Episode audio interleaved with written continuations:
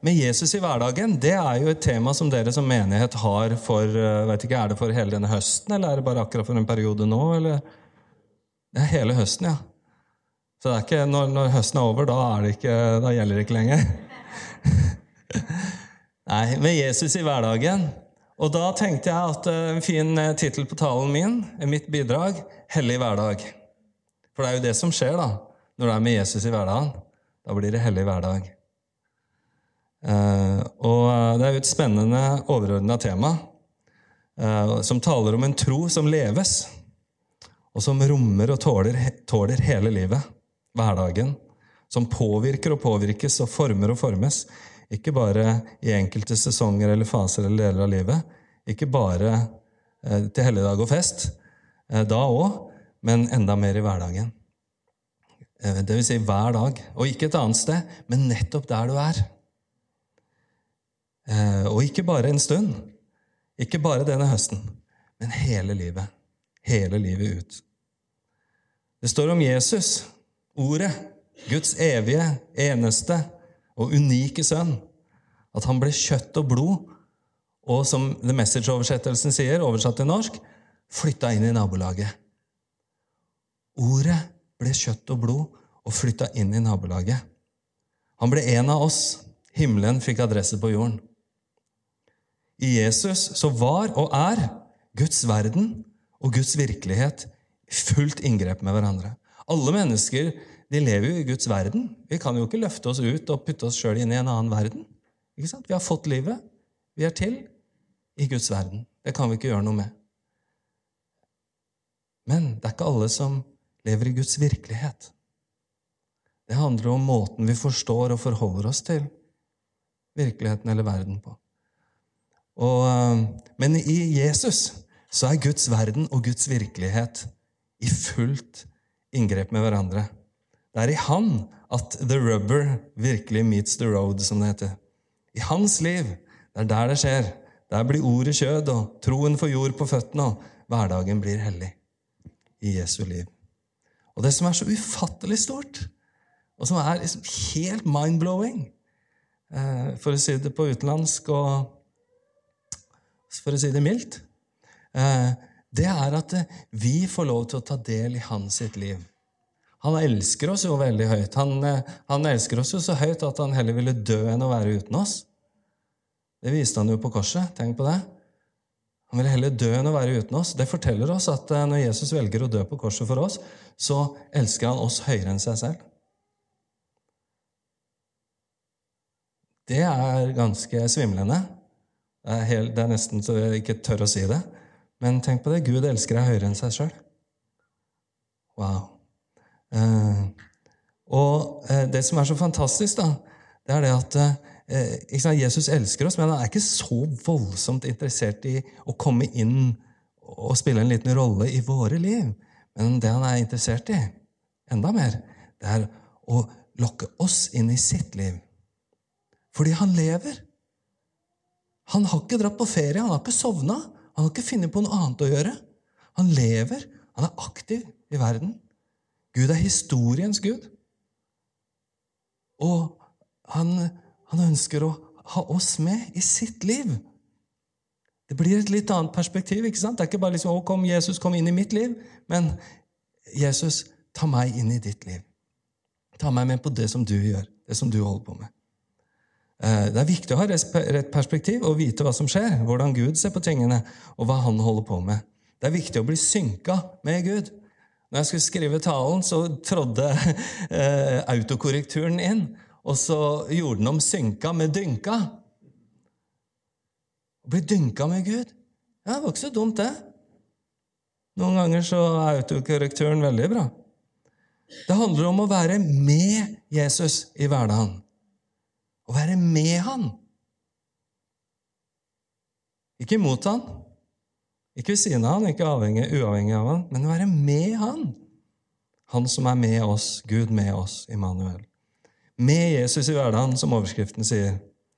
Det vi snakker om, er egentlig ikke noe annet enn et åndsfylt liv. Det er der vi skulle ha starta.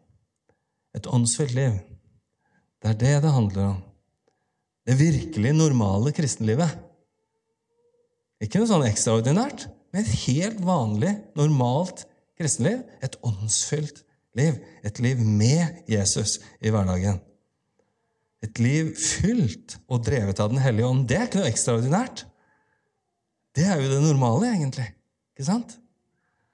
Um, og hva sier Bibelen om det åndsfylte livet? Om Jesus og det åndsfylte livet? Apostlenes gjerning i 1038. Tenkte jeg bare fikk lyst til å lese det.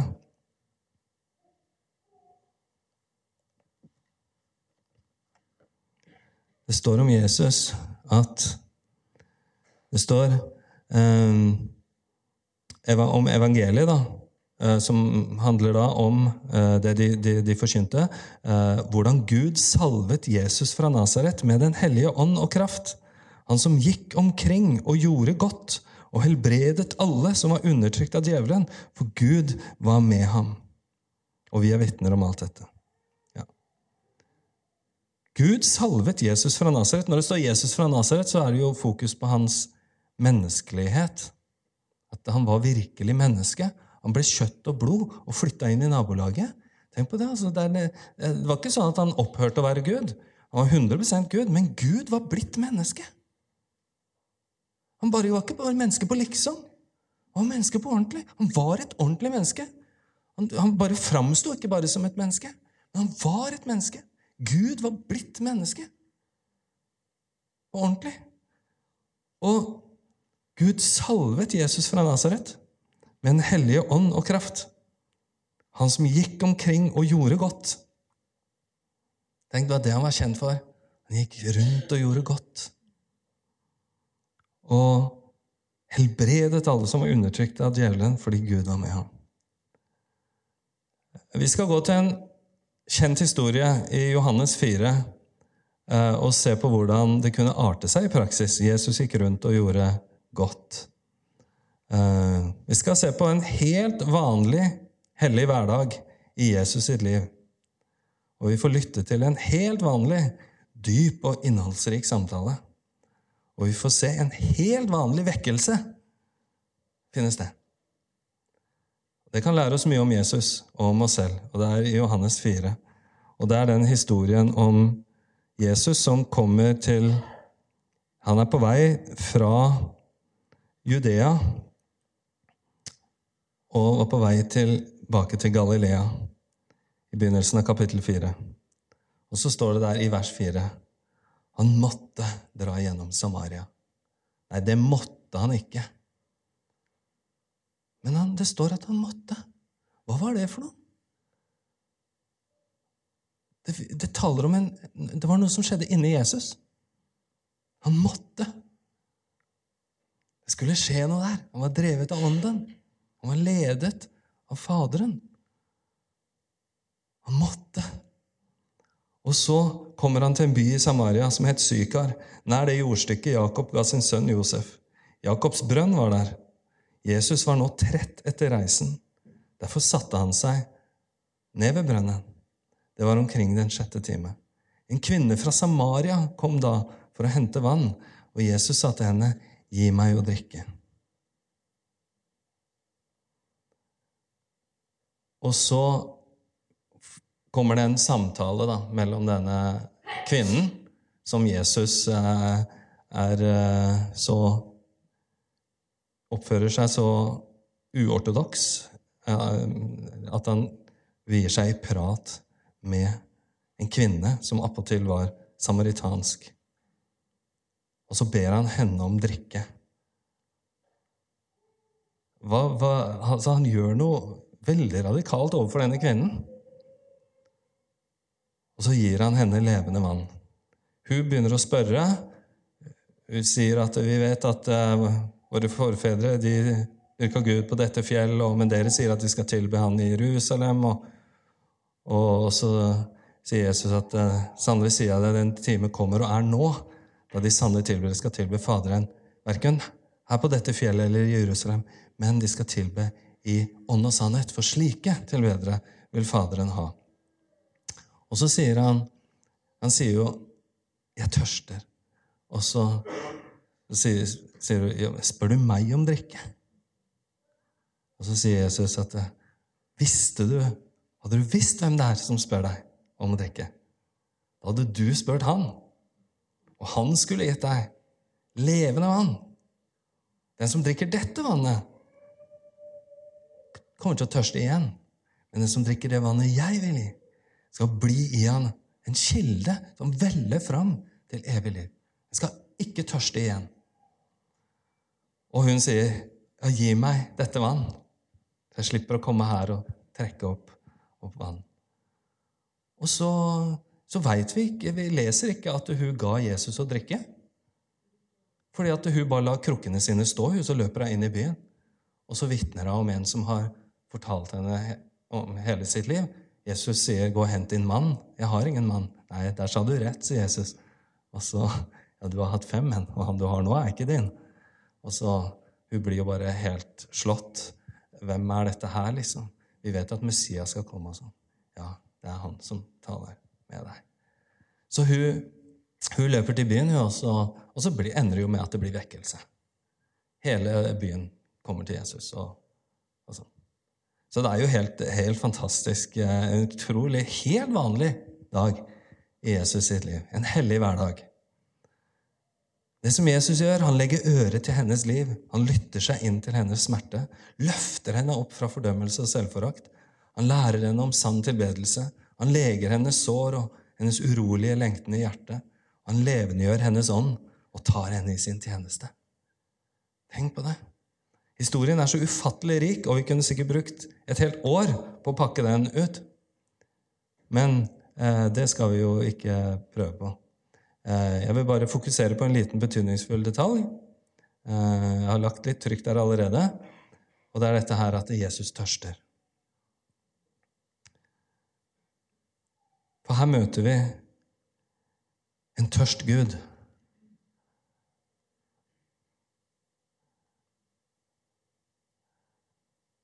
Levende vann fra en tørstende Gud. Vi vet ikke om Jesus fikk noe å drikke, men vi vet at han ga henne levende vann. At Jesus var et sant menneske, det vet vi. Derfor kunne han tørske, tørste. Men her snakker vi om en tørstende Gud. Kan Gud tørste? Er dere klar for litt dyp teologi? Går det greit på en søndags eh, ettermiddag? Kan Gud tørste? Ja, men ikke fordi han mangler noe i seg selv. Du vet, Gud er jo et fullkomment selveksisterende vesen som har eksistert før tiden begynte. Tiden begynte med, med stoffet og, og, og, rommet i begynnelsen. Tiden begynte å tikke når uh, atom, det første atomet ble skapt, når Gud talte, og det skjedde. Men, men da var jo Gud der. Og, så det blir meningsløst egentlig å snakke om at Gud var før eh, noe. Fordi at Gud er jo utenfor tiden. Og, og, Gud er evig. ikke sant? Han er uskapt. Han har alltid vært. Men så er Gud et fullkomment vesen, så han er ikke alene. Men han er tre igjen. Og dette er et fullkomment fellesskap. Et selveksisterende, fullkomment fellesskap. Eh, hvor, eh, hvor Faderen og Sønnen elsker hverandre i Den hellige ånd. Og så finner jo denne fantastiske, fullkomne Gud på at han vil skape noe.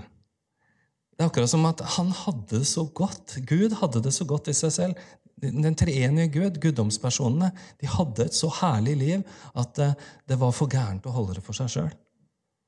Og så skapte, skapt, ble jo hele Alt som er, ble jo skapt med tanke på at han ville dele sitt liv han ville la sin kjærlighet eh, komme til flere. Og Jeg ser for meg liksom Gud jeg elsker, og han liker å danse. Eller Faderen, Sønnen og Den hellige ånd danser i en, i en sånn runddans. Det var det ordet de gamle kirkefedre brukte når de beskrev ordet i guddommen. Perikjøresis, som betyr runddans. Sånn, hvor de strømmer i og rundt hverandre. Og, og bare har det helt herlig. Og så ser du for deg at Gud bare lager et dansegulv, og så slynger han sønnen ut, som tar noen piruetter ned på jorda, og drar oss med inn i dansen. Så å være kristen, det er å gå på danseskole. Det, det er å danse med Gud. Og, for, og, og, og Gud er god til å føre. Og, uh, han leder oss i dansen. Og det, er, det, er hans, det, er, hans, dans. Og vi får lov til å være med. Han elsker oss så høyt, og han ville dele sitt liv med oss. Um, så men så, så det, når Gud skapte, da, så skapte han altså ikke fordi han mangla noe. Fordi han var, var ensom, kjeda seg, trengte noe å gjøre. Det var ikke et mangel hos Gud. Han gjorde det av pur godhet. Det var bare det, det, det var bare godhet i Guds hjerte at han ville, ville utvide, og, utvide familien. Han vil ha familieforøkelse. Og så vil han dele sin godhet med oss.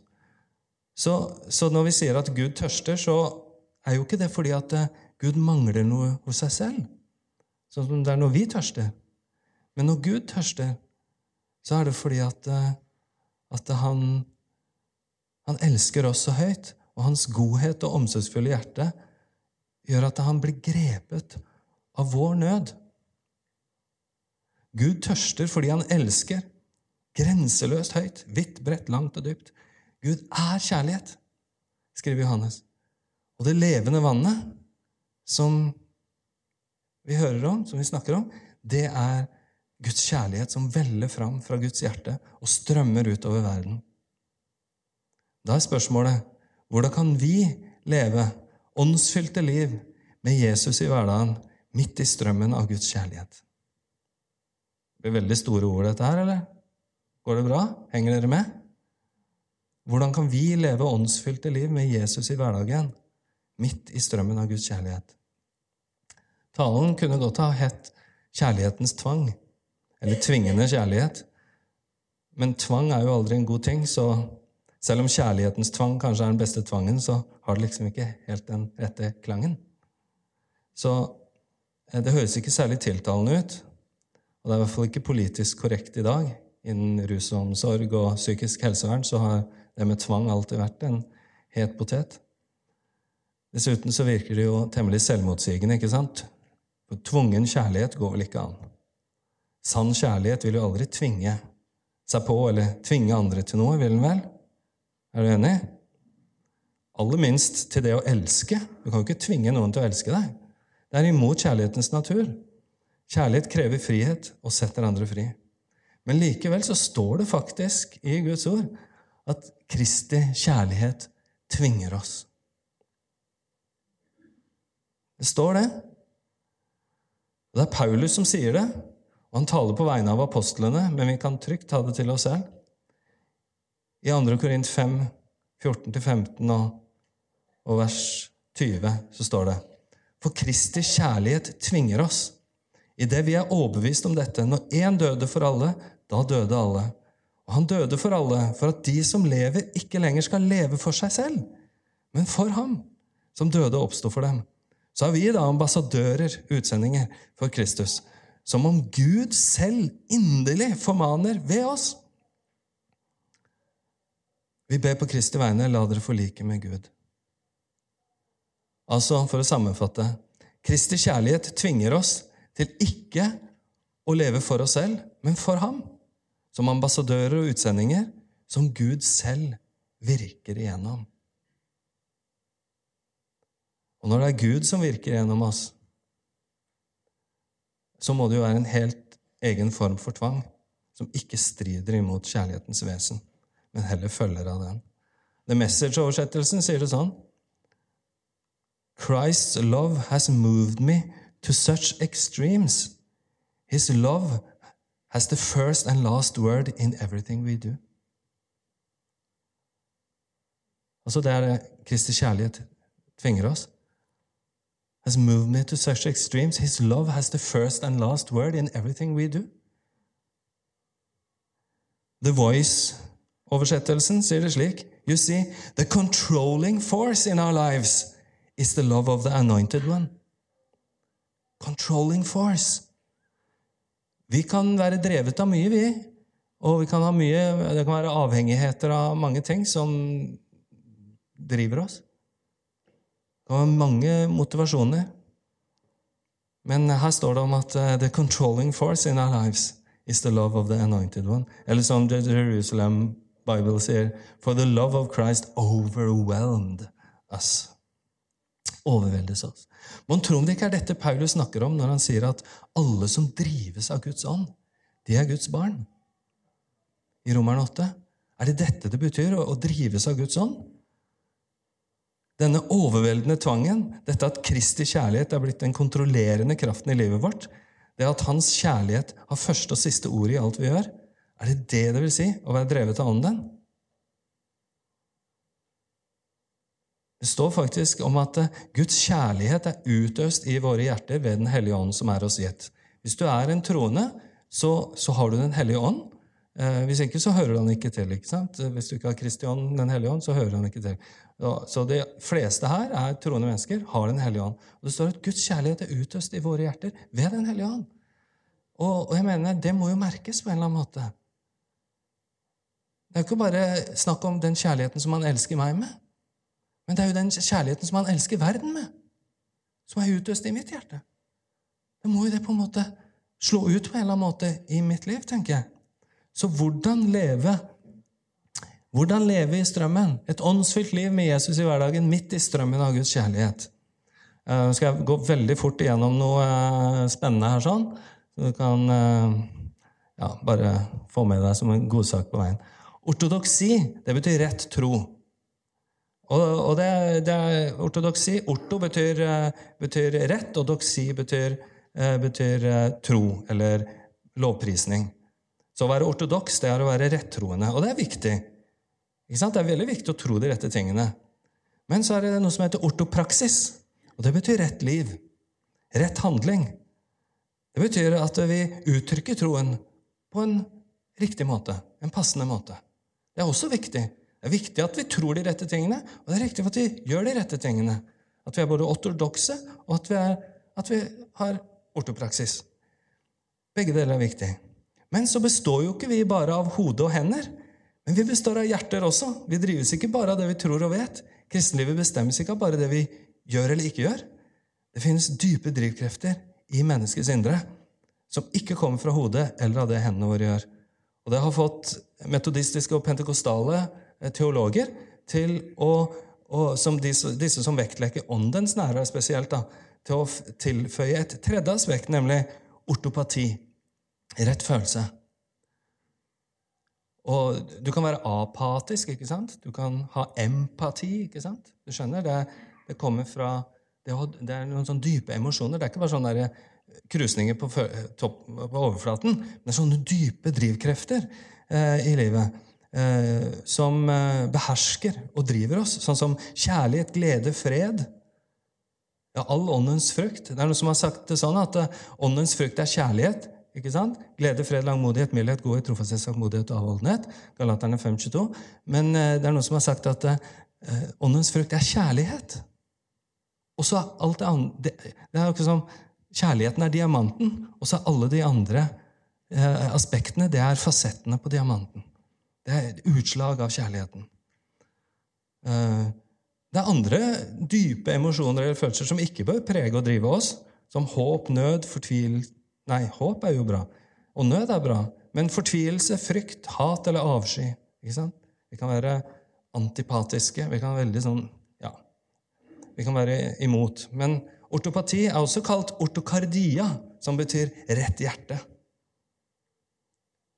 John Wesley, metodismens far, han skrev at sann kristendom skulle praktiseres i det virkelige livet, i den virkelige verden, der hvor gleden møter fortvilelsen, hvor tilliten møter frykten, og hvor kjærligheten møter hatet. Og vi skjønner at ikke alle følelser eller affeksjoner er gode og forenlige med et åndsfylt liv. Det er viktig at vi tror de rette tingene, det er viktig at vi gjør de rette tingene. Og så er det viktig at vi kjenner at vi er drevet av de rette tingene. Så det, et, sant, et, godt og et sunt kristenliv det vil stå bestå av en, en uh, fin uh, blanding av disse her. Og i dag så er det kjærligheten uh, det handler om helt spesielt. For det åndsfylte livet, livet med Jesus i hverdagen, det vil være et, et liv hvor vi er drevet av hans kjærlighet.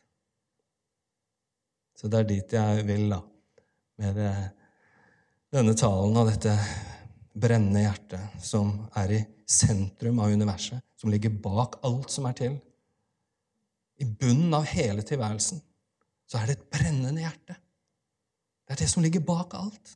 Det er noe annet enn at det, at det var en sånn der amøbe som skvulpa i ursuppa en gang og tilfeldigvis eh, landa på land, og, og, tilfeldigvis, og så sitter vi her, og så alt blir til av ingenting, og, så, og alt utvider seg jo, og en dag så brenner sola opp og slokner, og alt blir til ingenting, og ingen fins som kan vite at noe noen gang har vært. Ikke sant? Det er noe annet. Tenk på at i hjertet av universet, bak alt, så er det et brennende hjerte. En brennende kjærlighet. En ufattelig godhet. Men tenk på hva kjærlighet eller tørst etter kjærlighet, sveket kjærlighet eller mangel på kjærlighet har betydd for verden på den menneskelige plan. Alle trenger kjærlighet for å leve. Vi synger om den, lovpriser den, jager etter den, kjemper om den. Vi dør for den. Hør hva den viseste mann som har levd, kong Salomo, sa om kjærligheten i Høysangen 867. Han sa, Sett meg som et seil på ditt hjerte, som et seil på din arm, for kjærligheten er sterk som døden. Lidenskapen er ubøyelig som dødsriket. Den brenner som flammende ildtunger, en Herrens brann. Mengder med vann kan ikke slokke kjærligheten, elver ikke skylle den vekk. Hvis en mann vil gi all sin rikdom for kjærligheten, vil han bare bli møtt med dyp forakt, for kjærligheten kan ikke kjøpes. Uh, the Message sier det sånn The fire of love stops at nothing. It sweeps everything before it. Floodwaters can't drown it. Torrents of rain can't put it out. Kjærligheten er ikke bare det største og viktigste. Den er det sterkeste kraft som finnes. Den har motivert og drevet mennesker til de største heltedåder. Den har trosset og beseiret de største farer og festningsverker. Ja, den har til og med seiret over Satan og døden og alle gudfiendtlige makter og myndigheter. Den har drevet de største mennesker som har levd, til å utholde og utrette de utenkeligste ting. Og til å sette uslettelige spor etter seg i historien. Det er et faktum at de vi priser høyest, det er de som har elsket mest. Ofret mest, bøyd seg dypest og båret tyngst. Ikke for seg selv, men for andre. Vi ser gjerne opp til de sterke, de som har klatret høyest og oppnådd suksess. Men de vi bøyer oss dypest for, det er de som har ofret seg selv for andre. Er det ikke det? Dette er mitt bud, sier Jesus, at dere skal elske hverandre som jeg har elsket dere. Ingen har større kjærlighet enn dette, at han gir sitt liv for sine venner. Tenk hvor dypt Jesus bøyde seg. Ingen har ofret så mye som han. Ingen har båret så tungt som han. Ingen har derfor heller satt så dype spor etter seg i verdenshistorien som han. Det fins ikke noe annet navn. Ingen kan måle seg med han. Du har hørt eh, drømmen eller fortellingen om fotsporene i sanden. Og, og ser, mannen som ser seg, selv på stranden gå der med Jesus ved sin side. Han ser fire fotspor i sanden, og, og så ser han dette er hans liv. Og så ser han at ja, men jeg hadde det vanskeligst. Da var det bare to spor i sanden. Hvor var du en da, Jesus? Hvorfor forlot du meg når jeg hadde det så vanskelig? Så svarer jo Jesus, ja, men det var jo da jeg bar deg. Han hadde ikke behøvd å spørre om det hvis han hadde sett litt nøyere etter, for da ville han ha sett at uh, når det var to spor, da var sporene dypere. Ikke sant? Og hvorfor har Jesus satt så dype spor i verdenshistorien? Fordi at det er ingen som har båret så tungt som han. Han bar oss alle. Og tenk så høyt han har bøyd seg ned, han som var i Guds skikkelse. Og bøyde seg ned og ble et menneske. Og han gikk i døden. Han gikk ned i det dypeste mørket. Hva var det som drev Jesus? Jo, det var kjærligheten til far og kjærligheten til deg og meg. Når Jesus gikk rundt omkring, så ser du det hele tiden, at han var grepet av dyp medynk. Det greske ordet der, splangsnitsobai, betyr det, det, det, det, handler om at tarmene vrenger seg. I Guds eget indre. Når han så hvor forkomne menneskene var, av kjærlighet til dem, og det drev han alltid til handling. Jesus hadde bare ett forsett å gjøre Faderens vilje og å søke å frelse det som var fortapt, og bevare dem som Faderen ga ham. Jesus tilba og trodde selvfølgelig de rette tingene. Det må vi ikke være i tvil om. Og Jesus gjorde også de rette tingene. Han hadde både ortodoksien og ortopraksisen i orden. Men når vi ser på Jesus, så ser vi at han hadde også ortopatien i orden. Han var drevet av dyp medlykk. Jesus var drevet av den dype, dype kjærligheten. Og så kunne vi ha sett på Paulus, men det har jeg ikke tid til. Men tenk hva Paulus var villig til. Paulus er den største etter, i hele verdenshistorien etter Jesus. Helt uten diskusjon. Og, og tenk på hvor, hvor, fremstående han var. Hvis han hadde, ikke hadde blitt frelst, så hadde vi visst om han i dag som en av verdens aller mest briljante tenkere og en av de største jødiske rabbinere. Men han ble frelst. Og han hadde alt han kunne rose seg av. Hvilken avstamning han var. Skolegangen, oppdratt ved Gamaliels føtter, gikk lenger enn alle sine samtidige. Han var ulastelig etter loven, i rettferdighet etter loven. Altså, Han var bare cream of the crop. Han Var, men så sier han at alt dette regner jeg som møkk, som skarn, som søppel, hvis jeg bare kan bli funnet i Kristus, med hans rettferdighet. Og så, og så sier han i romerbrevet eh, at, at hvis han kunne dødd Hvis han kunne gått fortapt for sine, eh, sine landsmenn, sin, sitt folk Hvis han kunne ha gått fortapt, og det ble til frelse for dem, så ville han gjort det. Er du helt vanvittig, Paulus? Vil du gå fortapt? Én ting er å dø uh, og bli frelst, liksom, for noen. Men han, han, han, var villig til å bli forbannet bort fra Kristus hvis det kunne ha blitt til frelse for folket sitt. Hva er det som har gått av han, da? En ufattelig kjærlighet. Helt ubeskrivelig kjærlighet. Og Skal vi se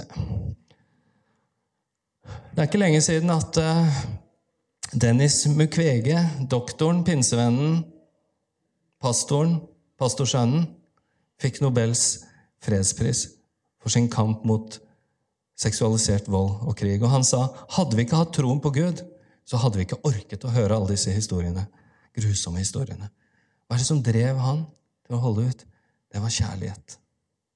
Du kan ikke beskrive det på en annen måte.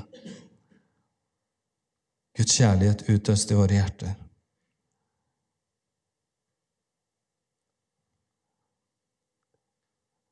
Se på hun her. Hun var stor. Bitte lita. I går talte jeg på ungdomsmøtet. Da hadde jeg bilde av mor Teresa sammen med presidenter og pave. Og liksom sånn. Og så, og så ser du hun lille dama. vet du, Men hvem er størst på de bildene? Hvem er størst?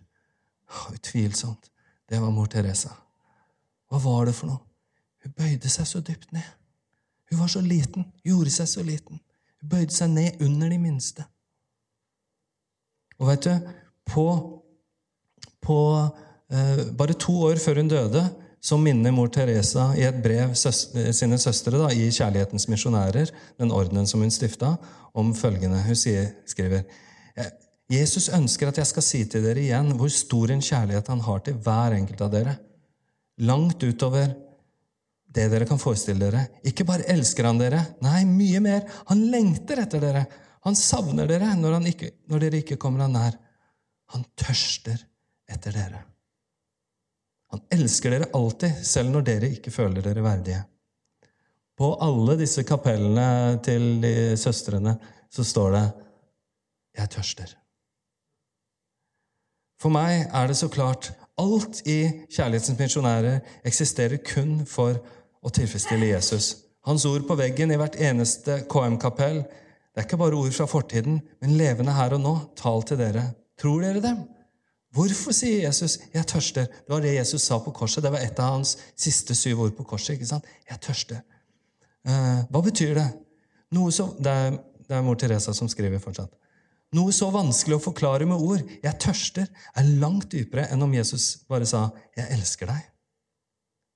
Før du vet dypt inne i hjertet at Jesus tørster etter deg, kan du ikke begynne å forstå hvem han ønsker å være for deg, eller hvem han ønsker at du skal være for ham. Vil vi leve med Jesus i hverdagen hvis det betyr å leve i strømmen av Guds grensesprengende kjærlighet for å bære den dit den vil? Vil vi være med og stille Jesus sin tørst i dag? Han møter oss fortsatt ved brønnen som den tørste Gud, ved våre brønner, overalt hvor vi ferdes. Det som dere har gjort mot en av disse mine minste, har gjort mot meg. Jeg var tørst, og dere ga meg drikke. Remember? For bare et par uker siden så la Stian Ludvigsen, som driver eh, Evangelisk kontaktsenter på Grünerløkka, la ut dette bildet her som han tok klokka seks om morgenen. På vei til jobb. Jesus møter oss i vår hverdag som den tørstende Gud, i våre alminnelige liv. Og han ber oss om vann, og så gir han oss å drikke. Levende vann. Jeg tror ikke om meg sjøl at jeg har grepet det i det hele tatt. Men vi har fått Guds kjærlighet utøst i våre hjerter. Kan du huske en gang da kjærligheten drev deg, da du brant, og da det vella fram av livet ditt? Men det kan jo ikke vare for alltid, det. liksom. Det var sånn i begynnelsen, men hallo. Men når de første disiplene, når ånden falt, så, så kom det ild på hodene deres. ikke sant? Og vi vet, vi vet, jo, Det står ikke at den ble borte, men vi veit jo at den forsvant. Og jeg tenkte på det. Åssen var det? Var det sånn at den ble borte på noe én og én? Og, Oi, nå har han mista ilden, og nå har han mista ilden. Og nå må, vi, nå må vi passe på, nå, og nå begynner den å bli mindre og mindre. Eller, eller hvordan var det? Skjedde det på alle samtidig? Skjedde det uten, hvordan skjedde det? Det kan vi jo spekulere om. Men vet du hva? Jeg tror ikke at ilden forsvant. Han bare sank ned i hjertet. Og så strømma han ut gjennom munnen og gjennom hendene deres. Det var det som skjedde. Og i løpet av én generasjon så hadde de snudd hele den daværende siviliserte verden på hodet. Så skal vi leve åndsfylte liv. Overnaturlige liv, ekstraordinære liv. Helt vanlige liv med Jesus i hverdagen. I hellig hverdag. Husker du eh, historien til slutt om, om i Esekiel? Så leser vi om noe som blir kalt for dobbeltbekken. Dere som er gamle frivenner, dere kjenner til dette her. ikke sant? At ut fra under alteret og under døra i tempelet så strømma det ut vann. Og, er, og så rant det nedover, eh, og så nedover i landskapet. Og så det, skjedde det noe veldig rart. fordi at det, eh, det som er naturlig med en, med en, en kilde, da, som, eller en vannstrøm som bare har én kilde, så, sånn tenker i hvert fall jeg, jo lenger den flyter, jo tynnere vil det bli. Hvis en, hvis en strøm skal øke, så må det komme flere tilløp underveis. ikke sant? Og så kan det bli en større og større flod etter hvert. Men denne elven her, den hadde bare ett tilløp. Men jo lenger den rant, jo kraftigere ble den, jo større ble den. Så til slutt så hadde den rent langt, og, og, den var blitt en flod. Og alt den kom i nærheten av, ble sunt og friskt. Og da tenker jeg på ja, men du ble jo frelst en gang, og så har strømmen gått videre, og her er du i dag. Skal du bli tynnere og tynnere? Nei. Livet ditt kan bli, kan bli Jo lenger du lever med Jesus, så blir det en flod ut av det. Det kan være et bilde på kristenlivet. Kan du få tro for det? At det, det skal ikke avta og bare sildre bort. Det skal bli en flod. Så snakker vi om hellig hverdag, et liv sammen med Jesus. Da jeg skrev 'utøst', at Den hellige ånd blir utøst Når jeg skrev 'utøst' på iPaden, så kom autokorrekturen en gang til og retta det til 'utløst'. Det var også en fin rettelse. At Ånden ikke bare er blitt utøst i våre hjerter, men han er blitt utløst gjennom våre liv. Amen. La oss be. Kjære Jesus, takker deg for din ufattelige kjærlighet. Takker deg for det vi har fått dele. Jeg ber, Herre, at du lar ditt ord tenne opp kjærlighetens brann i våre liv. Og at vi må få oppleve at eh, vi får mot til å si ja, og til å la din kjærlighet bli den kontrollerende kraften i våre liv. Det er så spennende å leve med deg, Herre. Takk for din godhet. Takk for at vi vet at vi er elsket. Takk for ditt brennende hjerte. Må det også brenne i oss. Amen. Amen.